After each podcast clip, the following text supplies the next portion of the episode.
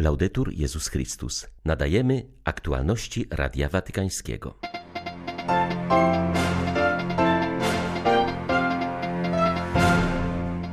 Papież Franciszek skierował list do Bartłomieja I z okazji 30. rocznicy jego wyboru na patriarchę ekumenicznego Konstantynopola. Wiele się od ciebie nauczyłem i nadal uczę, napisał Ojciec Święty. W trzeciej grupie polskich biskupów, którzy przebywają w Watykanie z wizytą Adimina, znaleźli się także pasterze kościoła grecko-katolickiego. To dobra okazja, aby dostrzec, że w Polsce Kościół Wschodni też jest obecny, powiedział biskup Włodzimierz Juszczak. W liturgiczne wspomnienie świętego Jana Pawła II polscy biskupi koncelebrowali mszę przy grobie papieża Polaka. 22 października witają Państwa Krzysztof Bronk i Łukasz Sośniak. Zapraszamy na serwis informacyjny. Papież Franciszek napisał list do Bartłomieja I z okazji 30. rocznicy jego wyboru na patriarchę ekumenicznego. Ojciec Święty podziękował arcybiskupowi Konstantynopola za wieloletnią przyjaźń i zapewnił o swoim dalszym wsparciu w dziele kroczenia drogą dialogu i ochrony stworzenia. List Franciszka jest bardzo osobisty. Podkreślił w nim nie tylko relacje międzyreligijne łączące go z Bartłomiejem, ale także więź, jaka połączyła go z patriarchą już na początku papieskiej posługi, gdy przybył on do Rzymu na inaugurację pontyfikatu.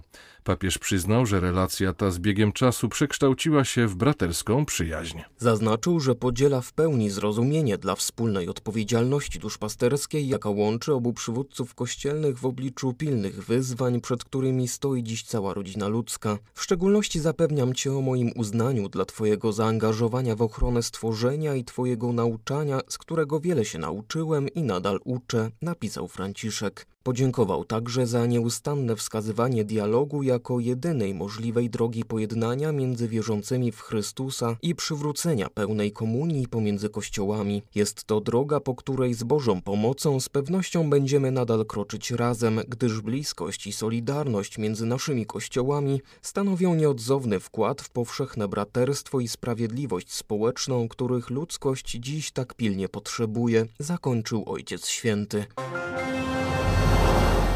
Z okazji liturgicznego wspomnienia świętego Jana Pawła II przy jego grobie w kaplicy świętego Sebastiana w Bazylice Watykańskiej biskupi polscy przebywający w Rzymie z wizytą Adlimina koncelebrowali mszę, podczas której homilię wygłosił kardynał Kazimierz Nycz.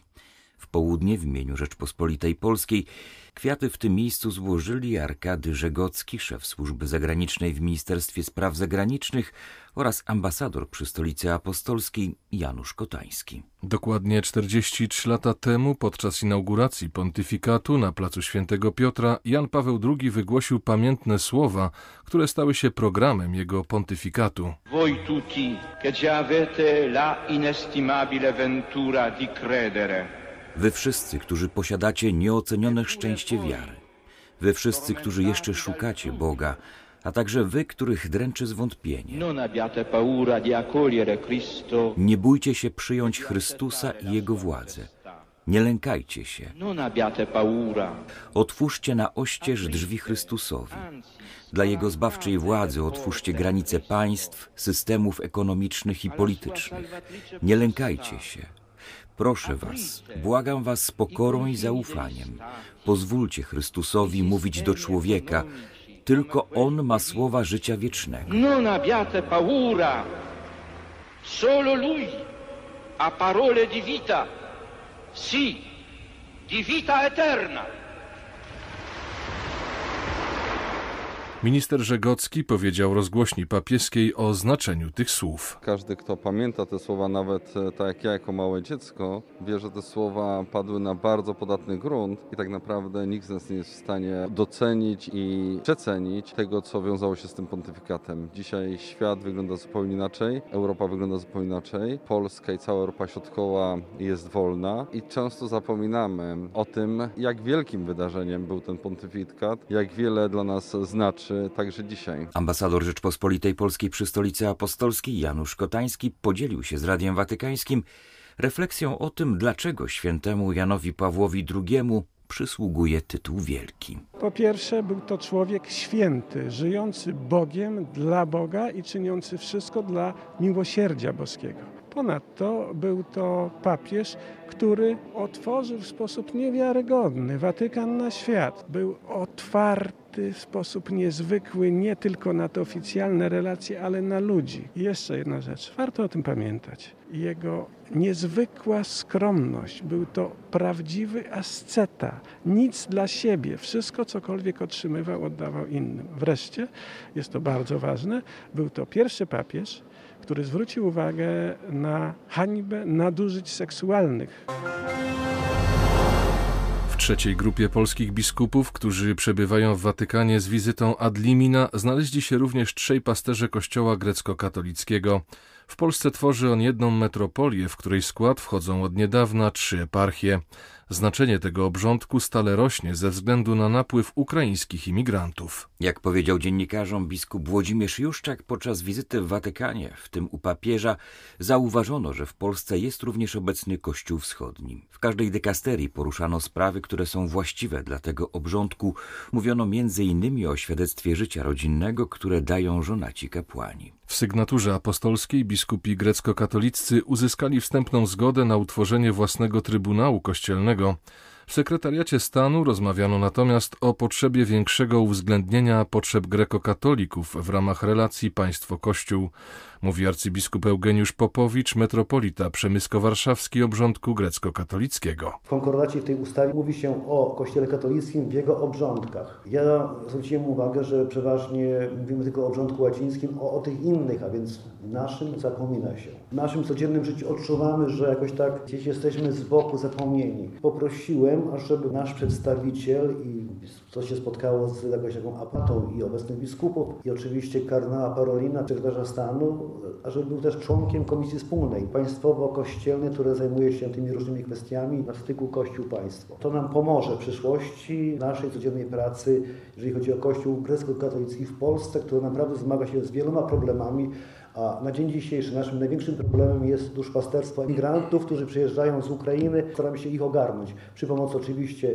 e, Kościoła Łacińskiego, który nam bardzo pomaga, udziela miejsca w swoich świątyniach i tak dalej, ale dla nas też już dojrzał czas, żebyśmy na przykład w Warszawie, gdzie tych emigrantów jest bardzo dużo, ponad 200 tysięcy naszych grekokatolików, którzy przyjechali z Ukrainy do pracy, ażeby mieli oni własną świątynię. Prezydent Słowacji Zuzana Czaputowa przekazała Ojcu Świętemu sprzęt medyczny i środki dezynfekujące produkcji słowackiej przeznaczone dla ubogich korzystających z placówek zdrowia działających przy stolicy apostolskiej. Gest ten był podziękowaniem za wizytę papieża Franciszka w ojczyźnie naszych południowych sąsiadów. Wśród przekazanych darów znajdują się respiratory, ponad 100 tysięcy maseczek, różnego rodzaju lampy bakteriobójcze i środki dezynfekujące, które mogą zostać wykorzystane podczas pandemii koronawirusa w ośrodkach zdrowia działających pod patronatem Watykanu, w których leczą się ubodzy i bezdomni. W związku z przekazaniem darów ambasador Słowacji przy stolicy apostolskiej spotkał się z watykańskim sekretarzem stanu kardynałem kardynałem Pietro Parolinem, który podziękował za ten bezinteresowny gest prezydent Czaputowej, a także za zainteresowanie Słowacji sprawami ludzi ubogich i zmarginalizowanych, które leżą papieżowi na sercu. Dzisiaj zakończyło się dwudniowe sympozjum historyczne pod tytułem Pokuta i penitencjaria pomiędzy rewolucjami i okresami odnowy 1789-1903. Uczestniczący w nim ojciec Robert Leżochubski, franciszkanin, urzędnik penitencjarii apostolskiej, zwraca uwagę, że okres ten w historii naznaczony był bólem, problemami, błędami oraz tarciami i właśnie wtedy lekarstwem była szczególnie pokuta, pojednanie oraz życie według łaski. Pełniący funkcję sędziego Trybunału Państwa i Miasta Watykanu zakonnik zwrócił uwagę, że w sposobie celebrowania sakramentu pokuty w historii istnieje ciągłość, a sama penitencjaria apostolska stanowi nieprzerwanie od VI wieku mały Trybunał Miłosierdzia, który w 24 godziny odpowiada tym, którzy pragną zbawienia. Widzimy bardzo wyraźnie kategorię spraw świętych, niezmienialnych, wypływających też z prawa Bożego. Choćby taką kwestią jest tajemnica spowiedzi święta i nienaruszalna, ponieważ w spowiedzi wszystko należy do Boga, a nic nie należy do kapłana ani do penitenta. Czyli to doświadczenie piękna, prawdy, dobra, płynące z posługi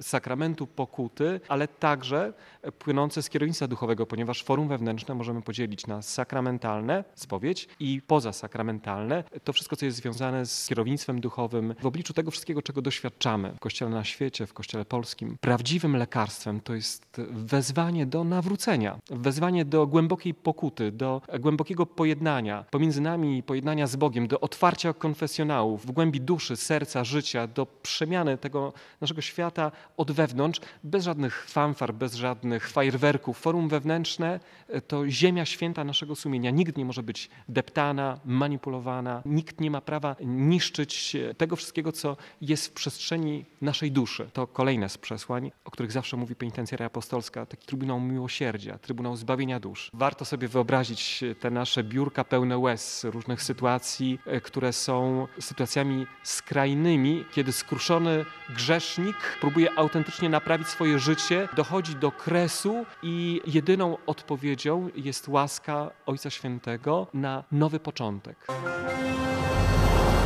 Powstaje Watykańska Fundacja Fratelli Tutti, zainspirowana encykliką papieża Franciszka. Jej celem ma być kształcenie młodych ludzi i budowanie sieci projektów z pogranicza ochrony środowiska, polityki, ekonomii i biznesu. Chcemy pomóc w stworzeniu wspólnej wizji świata dla przyszłych pokoleń.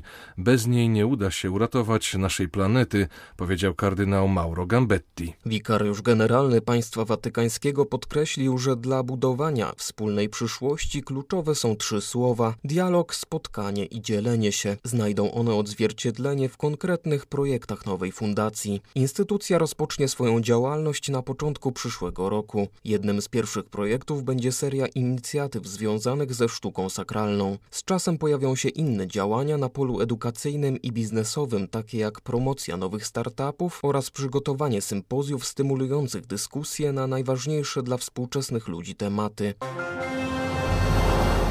Na Papieskim Uniwersytecie Gregoriańskim w Rzymie rozpoczął się cykl konferencji zorganizowanych w rocznicę opublikowania encykliki Fratelli Tutti papieża Franciszka.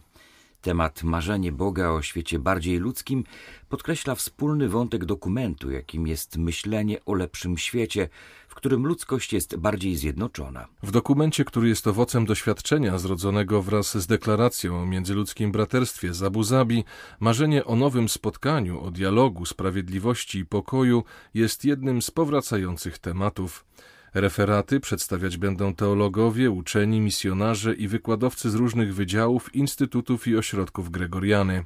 Papież zachęca ludzi, by myśleli o wielkich celach, powiedział Radiu Watykańskiemu ojciec Laurent Bazin jezuita, profesor Wydziału Misjologii.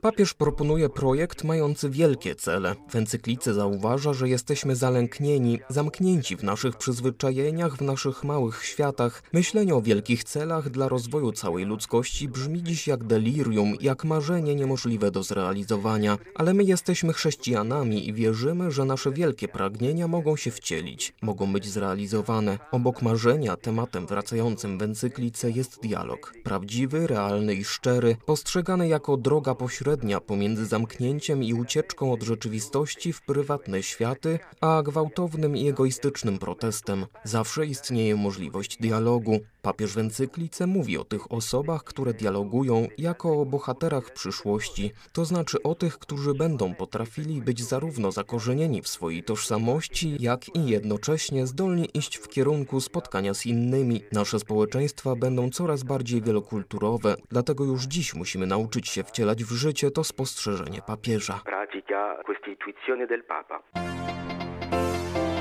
Były to aktualności Radia Watykańskiego. Laudetur Jezus Chrystus.